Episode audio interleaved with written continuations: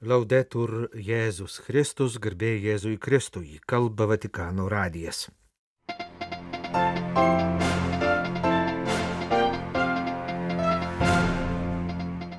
Trečiadienį vasario 8-ąją bažnyčia mini maldos ir apmąstymų dieną siekiant išnaikinti pasaulyje vis dar dažną prekybos žmonėmis reiškinį. Sinodo žemyninės asamblėjos Okeanijoje ir Europoje Pirmadienio žemės drebėjimas nauja baisi nelaimė Sirijos krikščionims. Toliau mūsų laidoje kalbėsime apie bažnyčios gyvenimą ir humanitarinę veiklą Ukrainoje. Vasario 8 dieną bažnyčia kviečia paminėti pasaulinę maldos ir apmąstymo apie priekybą žmonėmis dieną atkreipti dėmesį į tai, kad yra daugybė vietų, kur žmonės su kitais žmonėmis elgesi taip pat išsivyščiusiuose kraštuose ne kaip su broliais ar seserimis, bet kaip su prekiamis ir vergais.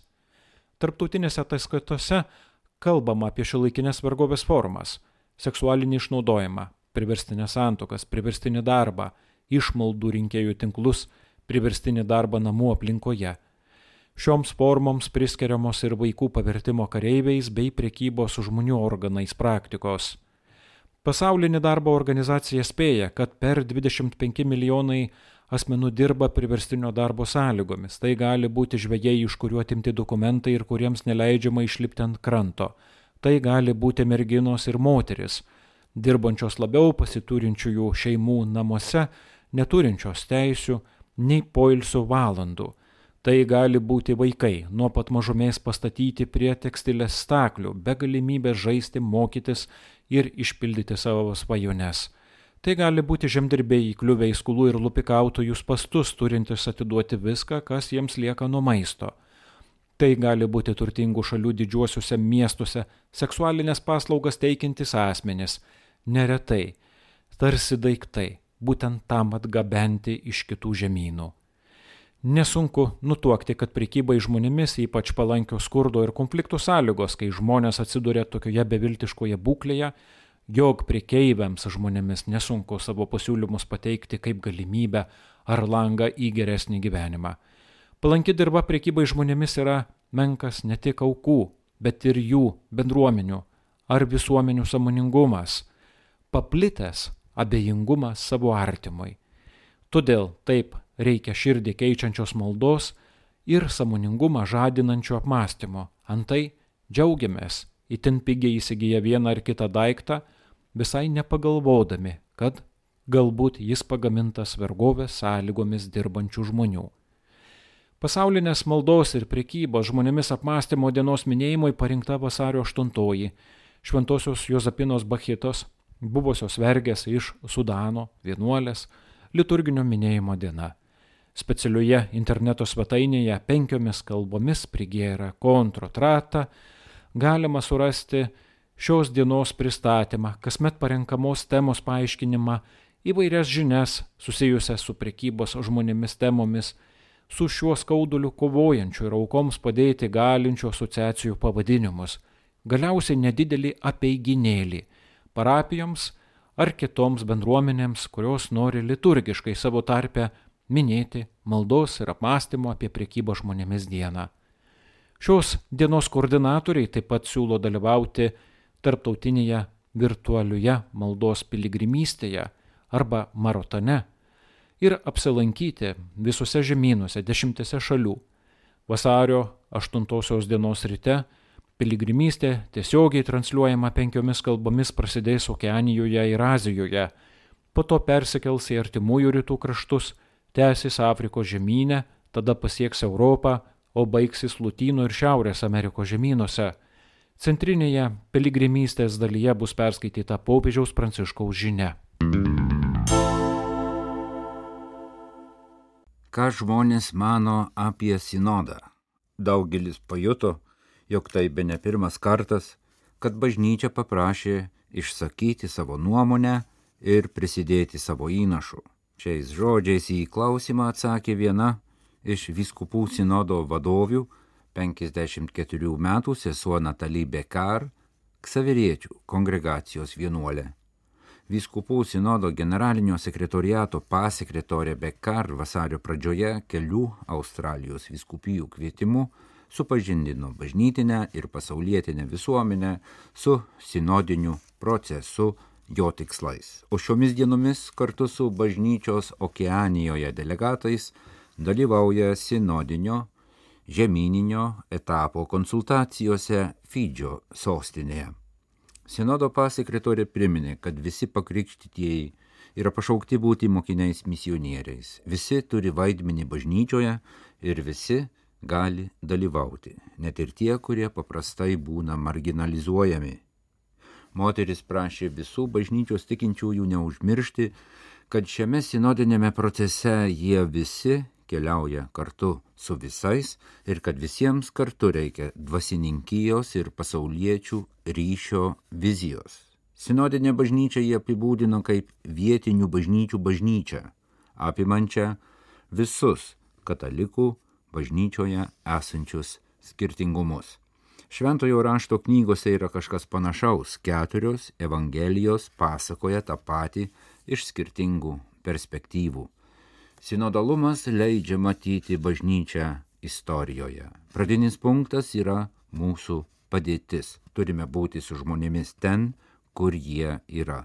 Per sinodinį procesą bažnyčia siekia, kad su visais žmonėmis būtų bažnyčia, kuri atpažįsta, mokosi ir įsiklauso. Prahoje tęsia darbą Europos žemynų sinodo asamblėje. Nors paprastai apie Europą kalbama kaip apie vieną geografinį ir kultūrinį vienetą, iš tiesų Europa labai įvairi tiek kultūros ir istorinės patirties, tiek ir bažnyčios gyvenimo prasme. Belgrado arkivyskupas ir Europos vyskupų konferencijų tarybos vicepirmininkas Ladislavas Nemetas komentuodamas Prahoje vykstančią sinodo žemyninio etapo Europoje asamblėją atkreipė dėmesį į bendros dvasios ir stipresnės bendros savivokos stoką tarp Europos katalikų. Nors Europa turi savo gyvenimo ir tikėjimo liudijimo būdą, tačiau nuo Lisabonos iki Uralo yra ir labai didelių skirtumų. Todėl, pasak arkivyskupo, reikia kalbėti apie krikščioniškąją dvasę Europoje, o ne apie Europos bažnyčią. Jokiame kitame žemynė nėra tiek daug vyskupų konferencijų kaip Europoje. Todėl labai aktualus klausimas Europos katalikams yra rasti bendrą kalbą. Škotijos Edinburgo arkivyskupas Leo Kašly pastebėjo, kad reikia labiau pasigilinti į sinodalumo prasme, nes susidaro įspūdis, kad vis dar aiškinamasi, ką pats šis procesas reiškia. Julie Ann Moran iš e, Airijos mano, kad apie sinodalumą vis dar kalbama pernelyg konceptualiai susidaro įspūdis, kad per daug dėmesio skiriama metodologijai ir teoriniams dalykams negu konkrečiai išgyvenamam sinodalumui. Jos teigimu, akivaizdus prieštaravimas buvo ir tai, kad asamblėjos atidarimo sesijoje dvi valandas kalbėjo tik vyrai. Europos žemynų sinodo asamblėja Prahoje sudaro dvi dalys. Pirmoji - vasario 5-7 dienomis - tai bažnytinė asamblėja, kurioje dalyvauja 200 dalyvių. 156 delegatai atstovaujantys 39 vyskupų konferencijoms, sudarančioms Europos vyskupų konferencijų tarybą.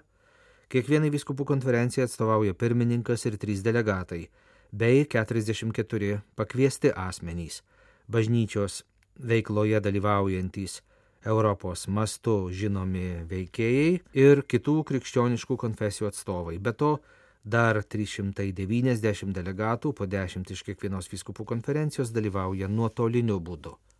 Antroje žemynų asamblėjos dalyje vasario 10-12 dienomis vyks susitikimas, kuriame dalyvaus tik vyskupų konferencijų pirmininkai.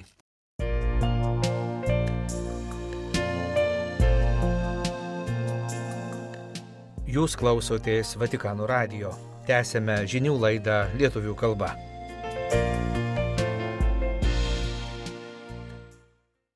Pietų Turkijoje ir Šiaurės Sirijoje įvykęs žemės drebėjimas yra labai skaudus smūgis Sirijos krikščionių bendruomenėms, kurių padėtis po daugiau nei dešimtmetį trunkančio karo ir persekiojimų jau ir tai buvo labai sunki.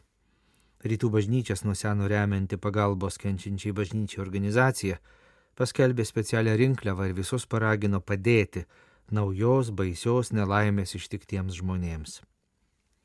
Daug miestų ir miestelių, kuriuose gyvena krikščionių bendruomenės, Alepas, Homsas, Latakija, Hama labai nukentėjo.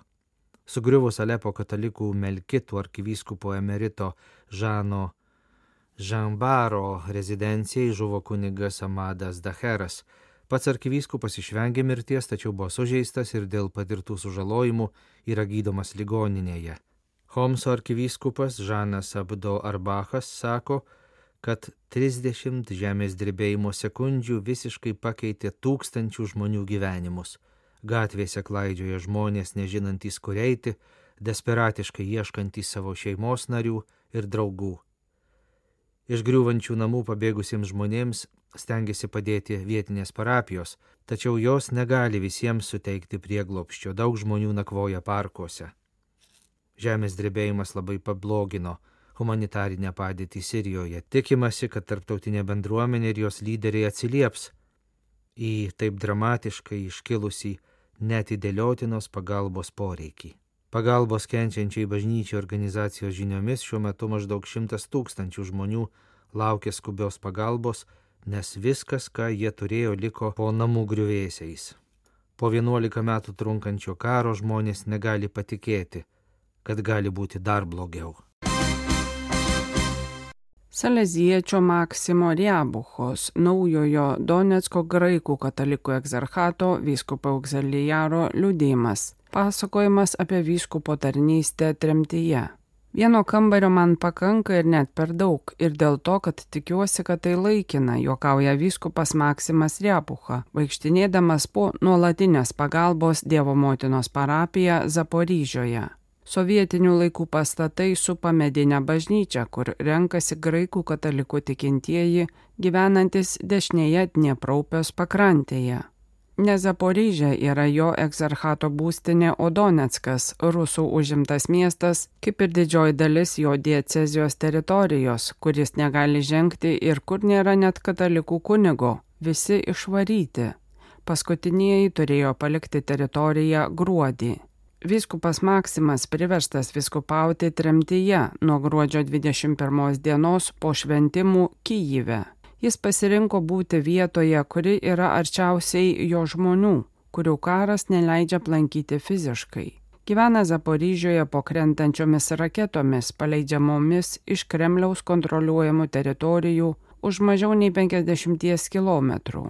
Esame taip partizonų, iš kur duodami įsakymai, kad sirenos pradeda kaukti jau nukritus raketai. Kas kart, kai žmonės jas išgirsta, ramiau atsidūsta ir karčiai pajuokauja. Ne mes buvom taikiniai, pasakoja vyskupas. Dar prireiks laiko, kol vyskupas Maksimas galės įžengti į savo katedrą Donetskė ir svarbiausia apkabinti žmonės, laikomus okupacinės kariuomenės karių įkaitais. Ganytojas per pirmąjį viskupavimo mėnesį nuvažiavo automobiliu daugiau nei 5000 km, kad galėtų pasiekti kuo daugiau laisvų žemių Donetsko egzarchate. Turime palaikyti žmonės, ypač tuos, kurie dažniau patiria atakas, sako 42 metų vyskupas kilęs iš Lvivo, pridurdamas, kad bažnyčios artumas patiriantiems išbandymus primena, kad viešpats jų neapleidžia. Jis norėjo pasiekti kiek įmanoma daugiau žmonių, iki kiek leidžiama vykti ir atvyko iki fronto pas kareivius. Lankėsi Bahmuto apylinkėse susirėmimų epicentre, kur aukojo mišes po žemę tarp apkasų. Mačiau, kaip kariškiai susijaudino, kai kartu dainavome. Jie man sakė, kad galvoja apie toli esančias šeimas, apie bendražygius karius, kurie ir toliau miršta ir už kuriuos kažkas turės atsiskaityti prieš Dievą. Vyskupo mintis nukreiptos į du graikų apieigų katalikų kunigus, suimtus okupuotame Berdensko mieste. Mes esame su jais maldoje, jie yra ryškus atsidavimo bendruomeniai pavyzdys. Per kalėdas, kurias ukrainiečiai šventė sausio pradžioje, grupė jaunų žmonių ir seminaristų iš Lvivo lydėjo vyskupą į karštuosius Donetsko, Harkivo ir Zaporyžios regionų taškus. Juk jis jaunųjų vyskupas, tą liudyja ir jo kaip kunigo istorija. Kyjyve atidarė Saleziečio oratoriją, kuravo universitetinės selovados klausimus, nuo Donbaso konflikto pradžios 2014 m. organizuoja stovyklas vaikams kovos zonose. Mūsų žmonės, sako vyskupas, turi neįtikėtiną vidinę jėgą. Girdėjau liudėjimus pilnus skausmo ir nepalaužiamo ryšto. Dalytis karo patirtimi reiškia kartu ieškoti vilties ir pakartoti, kad niekas negali pavokti mūsų gyvenimų. Karas nesustabdo egzistencijos. Jo kaip vyskupo tarnybos pradžią pažymėjo popiežiaus pranciškaus telefono skambutis. Nuostabus skambutis, atskleidžia vyskupas. Pokalbio metu popiežius manęs paklausė, kokia padėtis šalyje. Tada jis patikino, kad mūsų žmonių kančias nešiojasi savo širdyje ir paprašė perteikti jo artumą visiems, kuriuos sutinku. Vyskupas tapo atspirties tašku Zaporyžioje. Priimame žmonės visų pirma tuos, kurie bėga iš okupuotų teritorijų. Krentant raketoms matome ryškius ekumenizmo pavyzdžius. Skirtingų konfesijų žmonės kartu gamina maistą kariams ar ištiesia ranką pabėgėliams, pasakojo vyskupas. Tuo momentu jam kažkas paskambina. Atėjo laikas italų kalbos pamokai, tai kursai pabėgėliams, taip pat tai man primena aštuonerius Saleziečio formacijos metus, praleistus tarp Piemonto ir Lombardijos, sako vyskupas ir išbėga į parapijos salę, paversta vilties mokykla. Alyčia Tomasini darbas, kordonas, siena, atnešęs į didžiosius ekranus moterų ir didaus žmogiškumo istorijas iškilusias per karo siaubą Ukrainoje, pretenduoja į seniausią Italijos kino apdovanojimą.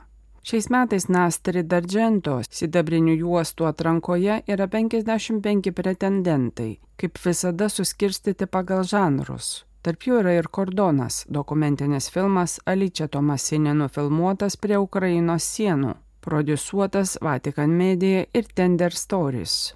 Kordonas, ukrainietiškai reiškintis sieną, pristatytas 17 Romos filmų festivalyje ir Europos Junktinės karalystės kino festivalyje, kuris laimėjo geriausio dokumentinio filmo apdovanojimą.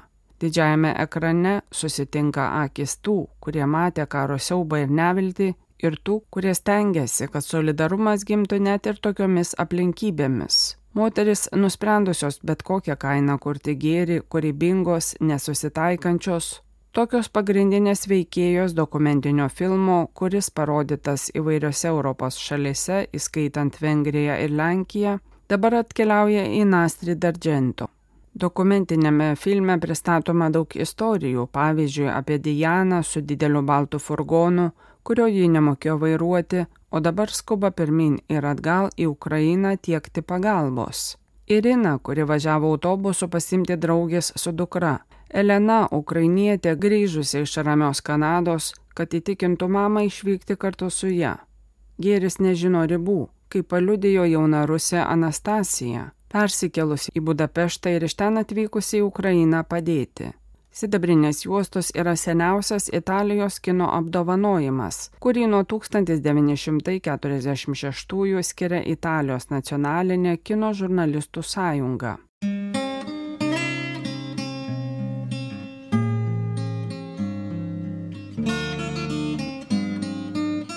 Kalba Vatikano radijas. Laidą lietuvių kalba baigėme. Garbėjai Jėzui Kristui, laudetur Jėzus Kristus.